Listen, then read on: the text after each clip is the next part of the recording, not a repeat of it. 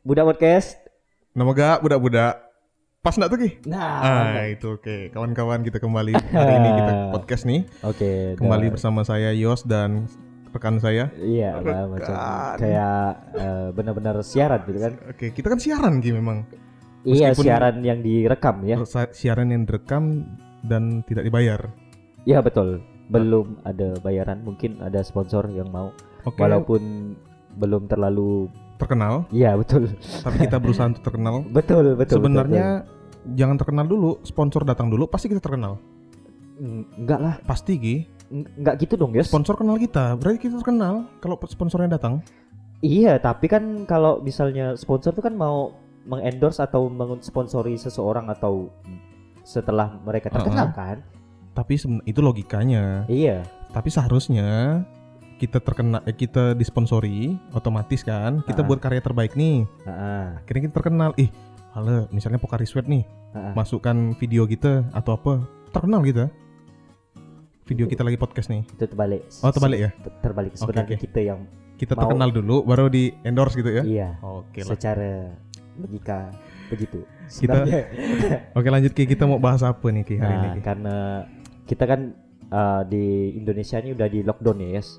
Belum Sit- udah dong, udah di lockdown. semua. Jokowi belum berani untuk melockdown tapi daerah-daerah ya karena eh, kalau kita baca berita-berita Jokowi itu belum mengambil keputusan untuk lockdown melihat kalau lockdown itu kan lock tuh kunci down tuh bawah berarti jangan lupa kunci pintu yang di bawah Nggak, gitu kan nggak usah humor dulu. Nggak, nggak, jangan humor dulu dong. Kita masalah negara ini genting nih. oh iya iya oke Masalah negara Oke, oke. genting. Oke. oke Ki. Nah, Nah, jadi Ki Nah, jadi gimana tadi Jokowi belum lockdown atau udah lockdown? tadi aku baca berita tadi pagi aku baca berita nggak tahu ya kalau malam ini tadi pagi aku baca berita di tempo.co.id kalau nggak salah Nah, itu Jokowi belum berani mengambil keputusan untuk lockdown karena dinilai eh, itu berdampak besar. Jadi dia hanya mengurangi perpindahan penduduk dari satu ke tempat ke tempat yang lain itu aja yang dihimbau. jadi secara tertut eh, nasional, Nasional. yang ditutup. Jadi kalau misalnya dari kalau dari luar negeri ke dalam negeri Nah, itu, itu mungkin ditutup tuh. ya berarti secara ini dong, secara internasional dong yang ditutup. Berarti di lockdown juga dong kok kayak gitu. Kalau lockdown tuh seperti benar-benar murni ke Italia. gitu. Orang tidak boleh lagi keluar rumah, orang tidak boleh lagi Oh, melakukan itu kegiatan- bahasa lockdown. lockdown yang sebenarnya. Lockdown yang sebenarnya Ah. seperti itu. dia benar-benar mengunci diri social distance sama orang memang dia tidak keluar lagi dari rumah mungkin sama seperti kayak di Wuhan tuh pak jadi Ah. ada dibuka sendiri-sendiri store-store atau toko-toko yang menjual itu pun pakai jadwal Oh, oke jadwal. Oke, Heeh. oke, oke. Nah, ini kan karena virus corona ini jadi semacam wabah yang sangat cepat ya perkembangbiakannya. iya, viral Penyebaran penye- bukan Lucinta Luna ya viral. itu video apa itu podcast kita yang sebelumnya tuh Iya, itu yang episode pertama. episode nggak pertama tuh. Kau mau dengerin? Masih ada Spotify yang tidak dihapus kok. oke siap Jadi sebenarnya memang ada beberapa virus-virus yang lain yang sudah kita tahu dan yang sudah pernah terjadi ya sudah pernah terjadi dan masih ada sampai sekarang. Mm, mm, mm. yang eh, cukup mematikan juga sih sebenarnya. apa tuh Ki? Nah, yang pertama ini ada virus ini pasti tahu lah teman-teman ya, HIV AIDS. oh HIV Nah. garing AIDS karena itu adalah hal yang Oh iya berbeda. iya, HIV dan AIDS itu hal yang berbeda. HIV ini merupakan singkatan dari Human Immunodeficiency Virus. Nah, virus ini yang virus HIV ini virus yang merusak merusak sistem kan sistem kekebalan Kekebalan tubuh. Nah, menginfeksi dan menghancurkan sel CD4. Bukan cairan dalam sih. oh bukan ya CD CD4 aku tahu apa yang mau kau keluarkan jokes oke Ki? gitu, Yos. Nah ini virus ini nih pasti tahu lah kan kalau misalnya HIV AIDS dan HIV dan AIDS ini Mm-mm. sangat mematikan. sangat perlahan tapi Oh iya dia perlahan. perlahan iya, dia iya. mematikannya Ah. perlahan Virus ini nih ternyata ditularkan ini melalui kontak dengan darah Yos yang terinfeksi. Terus juga dengan berarti maaf, kita berarti kita nggak boleh sama saudara kandung tuh nggak boleh dekat? Bukan ter, saudara sedarah kan? Bu, nggak, nggak, bukan bukan secara harfiah. oke. Bukan secara harfiah kita ngumpul gini Dengan ya, keluar- oh, kecuali kecuali kau dengan saudara kau yang terinfeksi HIV tukaran air liur. Oh aku kira nggak boleh dekat dengan saudara sedarah. Bukan bukan. Itu secara gini. Kalau misal kontak dengan darah tuh kalau misalnya kalau misalnya ada orang nih yang terinfeksi HIV terus dia tersayat luka luka gitu kan luka terus berdarah nah kita pegang darahnya itu kita bisa ter- ter- terinfeksi Itu kau tau nggak? Ada yang lebih parah dari itu Ki. Apa tuh? Luka tapi tidak berdarah. Wah itu sakit tuh. Itu sakit Ki. Contohnya? Contohnya kayak nggak usah lah disensor.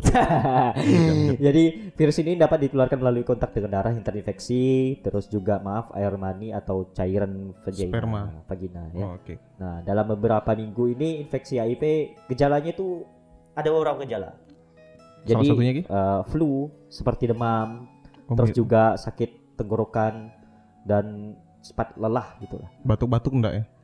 Nah, Soalnya kalau batuk batuk Pak Ji. waduh, Iklan lagi nih, semoga sponsor datang tolong, nih. tolong, tolong saya teman-teman.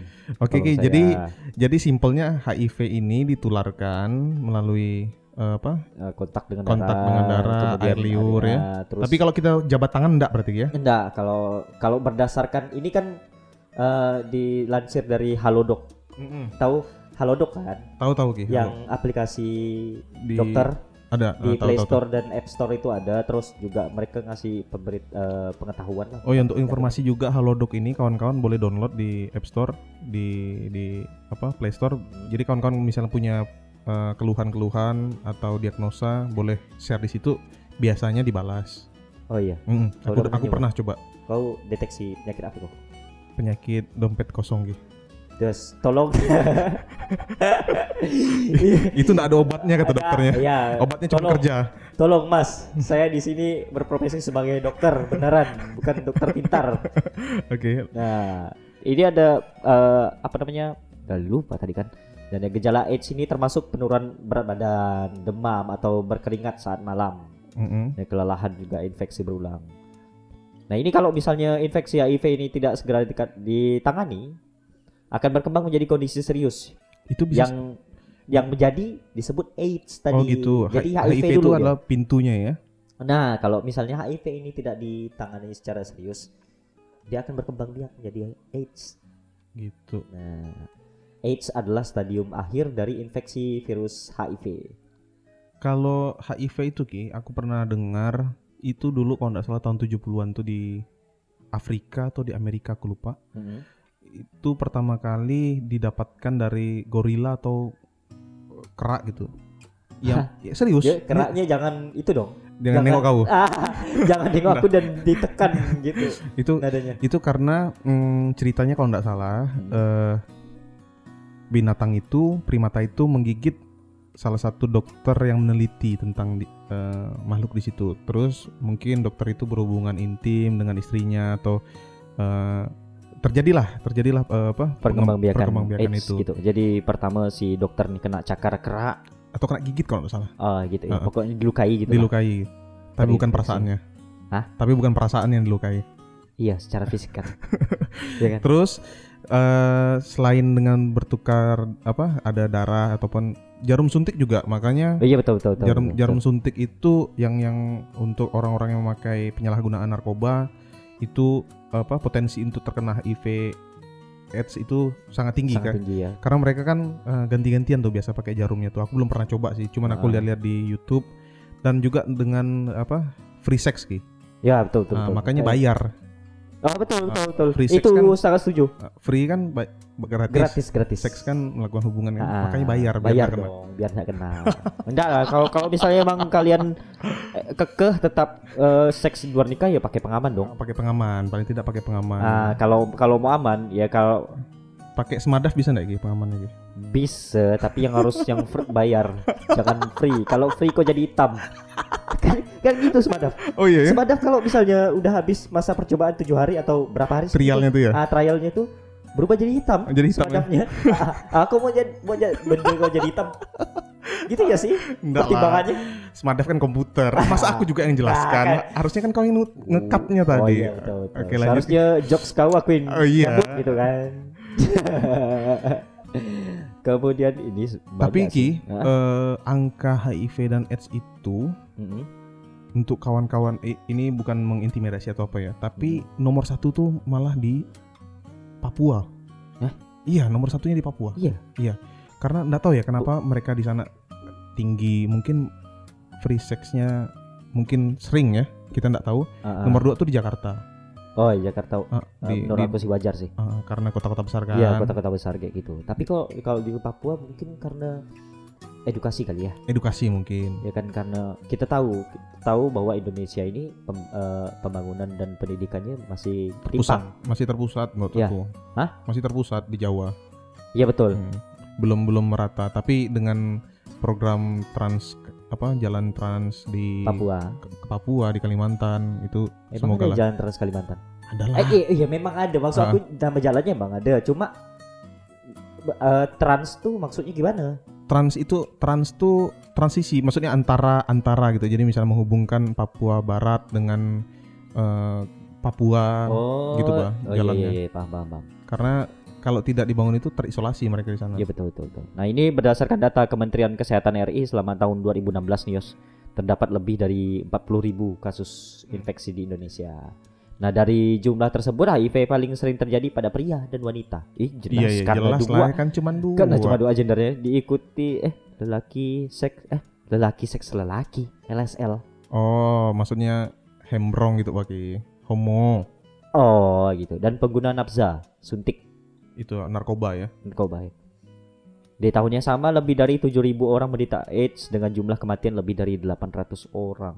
sebenarnya dia tuh nggak langsung mati menurut aku Perlahan ya? tapi perlahan daya tahan tubuhnya pola hidupnya tapi banyak kok orang yang masih bisa bertahan sampai 15 tahun 20 tahun Eh, iya dengan, tapi dengan pengidap HIV itu ya tapi gitulah kondisinya. nah yang anehnya ya Ki yang anehnya dari tahun 70-an yang ditemukan kasus itu Hmm, dari tahun 70-an ditemukan kasus itu hmm.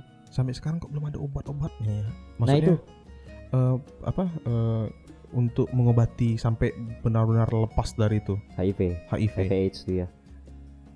Itu yang menjadi apa sebenarnya Ah. kebingungan kita gitu masa sih dari seluruh dunia tidak ada satu orang pintar pun yang yang bisa eh, menemukan formula atau obat yang bisa menyembuhkan bukan hanya menghambat perkembangannya tapi menyembuhkan Ah, ah. saat ini kan semuanya kan yang kita tahu kan hanya menghambat perkembangan dari Betul, betul. HIV Ah iya betul betul. Betul. Kalau aku lihat-lihat memang kau nih eh, orangnya lebih apa tuh Ki? Ke arah konspirasi sih. enggak sih. Kan- Karena kau nih kayaknya tapi aku pernah aku pernah baca ah ini kan Aku pernah sini serius nih Ki. Aku pernah baca bahwa eh, pernah ada satu dokter di India, aku Hmm. lupa namanya siapa, dia nemukan obat eh, apa? Obat bisa menyembuhkan virus HIV nih. hmm. Ah, itu ada Sebulan kemudian meninggal, hilang. hilang. Terus juga ada kemarin di apa adik-adik kita di Indonesia, aku lupa di dari kabupaten mana, mereka tuh ikut lomba internasional. Oke. Kalau nggak salah dari Kalimantan juga, cuman lupa Kalimantan mana. Dia nemukan tanaman endemik Kalimantan yang berhasiat untuk menyembuhkan. Jadi mereka melakukan uji coba, diambil sampel darah Hmm. dan diteliti, virus HIV-nya mati. Dan sampai sekarang, kau sendiri nggak tahu kan? Iya betul. Karena ditutup. Maksudnya eh, kayak di Kau apa? tahu itu dari mana? Dari Instagram Itu berapa tahun yang lalu? itu sekitar 4 atau tiga tahun yang lalu. Dia ada ikut lomba. Mereka juara, tapi tidak terekspos. Oh gitu ya. Ah, mungkin media dibungkam atau aku nggak tahu lah ya. Nah, enggak sekarang zaman itu ya, zaman konspirasi ya. Zaman konspirasi kan. Oke, oke. Yang kedua ada apa nih, Yos? Ada flu burung nih. Nah, flu burung nih. Jadi flu burung itu mungkin kawan-kawan udah sering dengar H5N1 terus dia bermutasi menjadi H7N9. Flu burung itu flu yang ditularkan burung burung manusia, bukan maksudnya burungnya orang atau burung siapa pun ke manusia gitu ya, bukan burung dalam dalam artian ini Wah, bahasa kau dia agak ini, Yos. karena gini agak Ki, penularan burung ke manusia. Iya kan? Iya, burung unggas, lebih tepatnya Oh, oh, unggas, ya, bukan. bukan Jadi jangan pakai bahasa flu unggas ya lah, flu unggas. flu unggas. Flu unggas ya. Jadi dalam dunia medis, Ah. flu burung juga dikenal dengan sebutan Avian influenza ya. ya karena dia ada flu-nya ya, jadi masih pakai influenza. Jadi flu burung itu ada yang H5N1 tadi seperti aku bilang sebelumnya, Hmm. terus dia bermutasi H7N9. Penyebarannya kalau tidak salah pertama kali itu di Cina juga Ki? Ah, nih penyebaran virus flu burung ini mulanya ah nggak tahu aku nih kalau misalnya di ini Cina nih, juga. kayaknya di Cina ya. Mm-mm. Nah, ini jangan dianggap remeh lah nih. Karena virus ini nih bisa berjuang eh bisa berujung sampai kematian nih kalau Hmm. tidak di Iya. tidak ditangani dengan tepat nih. Jadi dia eh, faktor-faktornya apa ya tuh Ki yang bisa menyebabkan flu burung tuh? Nah, pada dasarnya ini flu burung ini bisa menyerang siapa aja nih? Jadi semua orang itu bisa diserang. Mm-mm. Namun beberapa faktor yang bisa meningkatkan resiko ini ada beberapa nih. Contohnya apa tuh Ki? saat eh, yang pertama ini mengunjungi pasar unggas dengan kebersihan yang buruk. Jadi misalnya kita mau beli ayam gitu ah, ya, mau beli ayam atau pasar-pasar ya tradisional. kalau kau makan burung dara misalnya Mm. kan. Mie burung burung dara. Iklan. kemudian berpergian ini eh, kemudian berpergian ke daerah yang memiliki banyak kasus flu burung. Contohnya Nah. ke Cina tuh ya. Iya mungkin dulu ya. Iya karena Aku me- ka- karena dulu aku tidak begitu menaruh perhatian ke flu burung Heeh. pada saat itu karena jauh kan antara tapi kan- itu cukup makan makan korban Ki. memang memang cukup makan korban. Cuma kan kalau kalau beda beda Yos, beda pada saat zaman dulu tuh media sosial belum sekuat ini. Iya, oke. Jadi kepanikan dan eh, informasi yang tersebar itu belum sampai ke sini pada Hmm. saat itu ya, ke Pontianak pada saat Hmm. itu. Kan walaupun memang media yang diangkat pada saat itu kan memang media-media TV Media-media atau TV ya. kan sekarang kan Media-media mainstream media- ya. Iya, media-media mainstream. Kemudian Terus, ada juga eh, faktor berikutnya ini mengkonsumsi daging unggas seperti ayam, bebek, burung ataupun bahkan nih telur yang tidak dimasak dengan matang sempurna. Oh, Jadi kalau gitu. misalnya ah pada saat itu juga ada tapi aku suka makan telur setengah matang. Ah itu dulu dulu tuh kan banyak orang ini biar Takut. na- nambah ini kan nambah energi. itu. bukan bukan karena ada flu burung nih Oh, jadi oke. orang ini takut makan telur setengah matang Jadi dia makan yang matangnya aja berarti setengahnya Ah. enggak. ah setengah jadi dia makan setengah aja Tapi itu tuh khasiatnya bagus ki. iya memang Telur apa telur setengah matang ayam kampung tuh. memang dulu aku pernah makan Yus dan aku kan nggak suka ya Mm-mm. jadi kan kok misal di warung kopi warung kopi itu kan ada Ada. telur ayam kampung Hmm. kan dimasak setengah matang pada saat itu aku kalau salah aku hernia hernia Maksudnya? aku lagi ah hernia aku lagi kambuh Hmm. jadi Terus? pada saat itu pasangan aku dulu gelepar gelepar enggak? Enggak dong. Oh.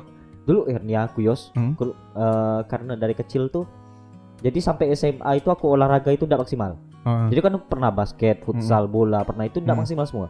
Jadi waktu kuliah itu aku masuk masuk squad futsal kan. wis, Iya squad dong, ya. di squad dong. Oke. Tim tim futsal, tim futsal prodi dan lumayan itu dari latihan sampai turnamen itu semifinal itu adalah sekitar kalau seminggu tuh bisa tiga kali empat kali main Main Nah, pertandingannya ya. pertandingan Ah. main pertandingan Menguras dan tenaga ya. menguras tenaga dan kambuh Disarankan makan telur setengah matang enggak? nah kata mantan aku dulu dia Mhm. bilang coba aja makan ini makan Telur setengah matang. setengah matang makanlah nih Kena flu burung enggak? enggak dong Oh. alhamdulillah enggak sih Kira hernianya hilang, flu burungnya kena cuma muntah aku cuk muntah ini Iya gara-gara kan, kan amis ini, Kau, kau, amis. kau karena amisnya kah atau karena kondisi tubuh kau kali? bukan itu karena emang dasarnya aku enggak suka jadi Bukan otak karena bukan karena kondisi tubuh kau lagi. Aku lagi prima dong. Oh, lagi prima ya? Lagi prima. Astrea aku. kali. lagi Astrea Honda. Jadi emang karena mindset otak aku kan karena Hmm. ini kayak lembek gitu. Apa sih enaknya? Itu enak ki. Sama kayak mungkin aku jujur aku nggak bisa makan petai, tapi orang bilang makan petai itu enak. Aku bingung enaknya di mana. Petai aku bisa bisa makan tapi aku gigit. Langsung kau telan gitu. Kalau petai kalau aku petai itu pahit. lebih ke ini sih, lebih sih kelat sih. Iya, Kan? pahit dan kelat. Gitulah. Lanjut lagi. Jadi penyebab penyebab flu burung ini Ah, eh, itu bisa eh, menyebar ya, Menyebar. antara unggas ya, liar ataupun peternakan. Iya, jadi eh, apa apa flu burung ini bisa menyebar kalau udah kena manusia Ki, itu bisa menyebar melalui misalnya orang bersin dan Oh juga berarti mirip-mirip dong dengan Mirip-mirip, virus yang sekarang ini mirip-mirip. corona. mirip-mirip dengan virus corona. Jadi ah oke. oke, Jadi, oke, oke. Flu burung, terus eh, apa? Flu babi, SARS dan corona tuh dia Hmm. mempunyai tipikal yang mirip gitu. Ah. Sama-sama menyerang bagian paru-paru. Nah, Kalau di kenapa- manusia. Oke. Kenapa sebagian besar virus ini nih kira-kira ini menurut nih. Mm, mm. Kira-kira eh, mengapa sebagian besar virus ini nih menyerang pada pernapasan? Karena memang yang untuk menghentikan nyawa manusia kan napas. Kan virus Benar enggak? Benar? Oh iya, kata karena kayak kemarin kau bilang virus ini buatan ya, Buatan bakteri yang alami, bakteri yang alami. bakteri yang alami. Jadi dia memang menyerang pernapasan karena memang hanya pernapasan lah yang bisa menghentikan nyawa manusia, betul nggak? Napasnya hilang ya mati kan? Iya. Nah, makanya. Makanya dibilang flu apa eh, virus-virus ini mematikan. Ini mohon maaf bagi kawan-kawan yang orang eh, apa medis. namanya medis ya. jangan anggap kita jangan anggap kita sok tahu, jangan anggap kita Kita memang sok tahu. Tolong jangan hujat kami ya. Jadi eh, banyak sekali pengembangan-pengembangan dari nah yang Ki bingung itu Ki. Ah. Flu burung tuh bisa berkembang. Logika logikamu sendiri lah dia bisa bermutasi meregenerasi diri apa selnya sendiri Oke. menjadi H5N1 lah, H7N7 lah, ada lagi flu babi tuh. Aku nggak tahu apa namanya. I- Itu kan aduh, Cuma ada dua eh yang aku kiri. sangkut pautkan konspirasi lagi nih. Itu kayak Apa buatan tuh? manusia. Maksudnya itu sengaja dibuat untuk eh, jadi kayak Senjata ya, biologis. Senjata biologis. Ya karena sekarang zaman sekarang tuh apalagi apa eh, perang lewat senjata kan. Iya betul. Karena tembak-tembakan tuh kan enggak zaman lagi. Betul betul. betul. Jadi Ah, lewat- Kalau dulu kalau misalnya kau kalau kau tahu eh, gejala-gejala flu burung ini cuman ya? Karena aku belum ini belum belum naruh perhatian pada saat itu. Jadi gejala flu burung tuh berdasarkan dari data Halodoc tadi tuh, Ah, ah. kita bisa dapatkan bahwa salah satunya sakit perut. Oh sakit perut. Sakit perut. Jadi kalau misalnya aku nak terberak pun itu bukan flu burung, itu memang kau kau kau apa diare. Oh iya diare diare. Sakit perut itu itu pendukungnya. Ah, pendukung pendukung. sakit perut, demam tinggi, sakit Ah. kepala, terus gangguan pernapasan lah yang pasti gangguan Ah, ah, pernapasan. ah. Kau sering, sering bersin, kau sering apa eh, eh, daya tahan tubuh kau melemah. Jadi memang dia tuh akumulasi sih, demam itu tuh akumulasi dia, Hmm. Oh, nyeri di iya. dada itu bisa jadi salah satu tanda-tanda eh, terkena flu burung. Terus ki untuk diagnosis flu burung itu Hmm. eh, nggak nutup kemungkinan dokter juga akan melakukan pemeriksaan darah. Itu tuh wajib tuh. Oh jadi harus tes darah dulu Tes ya. darah. Jadi- kok- Soalnya kan nyeri dada bisa aja kau pegal-pegal ya enggak? betul betul. Demam betul. bisa aja kau eh, Iya iya iya. ada betul, betul. radang atau apa. betul betul betul. Jadi, betul, betul. Kalau kau untuk eh, apa? Untuk lebih pasti memang Ah. tes darah. tes darah. Hebatnya lah tuh ya. Dari satu tetes darah tuh yang Yang diambil di motor dari- lewat Yus. Oke, ada motor lewat ya. Jeng, jeng, jeng. Ah, Jadi dari satu tetes darah itu dokter ataupun yang menganalisi menganalisisnya bisa mengetahui kau tuh punya penyakit apa. Hebatnya Tuhan tuh. Itu kan betapa sempurnanya Ciptaan, ciptaan ah. Tuhan kan. Ciptaan Tuhan tuh. tiba-tiba jadi religius kau? Nah, serius, Bah. Maksudnya secara logika tuh kayak nggak masuk akal. Masa dari satu satu sampel darah kau bisa tahu orang itu sakit malaria? Aku kira kau ateis Yus. Enggak lah, bukan. Aku bukan coki coki Pardede. Terus Ki, apa lagi nih Ki? Eh, nah, untuk pengobatan flu burung nih gimana nih? Ke Maerot bisa? Hah? Ke Maerot. Itu kalau misalnya kita mau mengembangbiakan lah rasa tuh. Maerot kan bisa mengobati burung-burung orang. iya, itu kalau misalnya eh astagfirullahaladzim. Mohon maaf ya kawan. Memang beda kalau misalnya orang udah nikah sama belum. Emang gitu. Bukan. Harus diisolasi juga, Yos. Kau Kau, kau harus spesifik ngomongnya. Mbak flu gas lah. Ah, flu gas ya. Flu gas. Flu gas. Oke. Jadi ketika orang mengidap flu burung tuh biasanya mereka akan dirawat di ruang isolasi. Oh, di Biar tidak nular. Ya betul betul. Bukan yang matok ini ya, bukan matok tuh ya, nular nular, bukan matok. Ular. Oh, ular. Maksudnya. Oke. Ya, sudah. Kita coba ke pencegahannya. Jak. Ah, gimana pencegahannya tuh Ki? Pencegahannya yang pertama ya menjaga kebersihan tangan nih wajar ya. Jangan jangan ini ya, jangan ke mana-mana tangannya ya. Jangan cerobok. Tangannya jangan ke mana-mana. Bukan pokoknya. gitu, Yos. Tolong Yos. Ah. Jangan ke mana-mana. Aku tahu maksud kau ke bagian mana. Ini Oke Ki, terus soalnya nih ini seksi Ki, karena kita bahas bah- bahas burung nih. unggas. Unggas, Yos. ya, unggas. Tolong pencegahan flu unggas. Kemudian disemprot nih, semprot bukan Oh bukan ya. disemprot area peternakan atau pasar unggas, kemudian menjaga kebersihan kandang, kemudian juga memastikan dan untuk mengkonsumsi daging atau telur unggas yang telah dimasak dengan baik. Tapi itu benar Ki. Yang bagian menyemprot apa eh, kandang itu. Ah, Aku per- aku kan kerja di eh, di kantor di bagian perizinan. Oke. Jadi ada waktu itu salah satu perusahaan besar, ah. semoga ada yang endorse ya, namanya Ah. Caron Pokpan. Apa tuh? PT PT Caron Pokpan. Ah. Jadi- Ini enggak apa-apa nih di, disebutkan. Enggak apa-apa disebutkan. Jadi dia memang pada saat kita mau survei untuk eh, izinnya di situ, Ah, ah. kita kan masuk ke ini nih, ke masuk ke satu kawasan yang besar, luas sekali Peternakan ya. peternakannya. Ah, oke, oke. Jadi kita masuk sana, kita harus melewati beberapa eh, step. Yang pertama kita harus ganti baju dulu, Oh, gitu. harus ganti baju dulu. Kita harus ganti baju, kita pakai baju kayak baju alien tuh, eh apa? Baju astronot tuh yang putih-putih tuh. Ah. oh, jadi kau mau mau meriksa izin pun Iya. harus kayak gitu. Kita kan masuk ke lokasinya tuh, biar apa? Biar vi- eh, virus tidak kena ke burung-burungnya. Eh, ke burung-burungnya, ke unggas-unggasnya kan salah. Ah, oke Nah, oke oke. Jadi kita masuk situ, terus eh, setelah itu kita setelah pakai baju putih itu, baju apa? Baju astronot tuh, Ah, ah. kita disemprot dari atas bawah kiri kanan ada alatnya memang kita masuk satu ruangan kecil kita, kita disemprot tuh Ah, ah. dengan cairan disinfektan Disem- oke. disemprot jadi Supaya steril. supaya steril Ah. jadi dah setelah itulah baru kita masuk ke memang yang tempat-tempatnya karena gini kalau flu burung atau unggas itu mereka tuh kalau kena penyakit mereka pasti matinya serentak ya. Oh gitu. Ah, Jadi kayak kayak sampar banyak penyakit gitu? penyakit burung tuh jadi kalau satu kena yang lain kena nih oh cepat. cepat penyebarannya cepat makanya flu burung flu pokoknya yang berkaitan dengan Unggas. media udara Oh uh, ah, oke.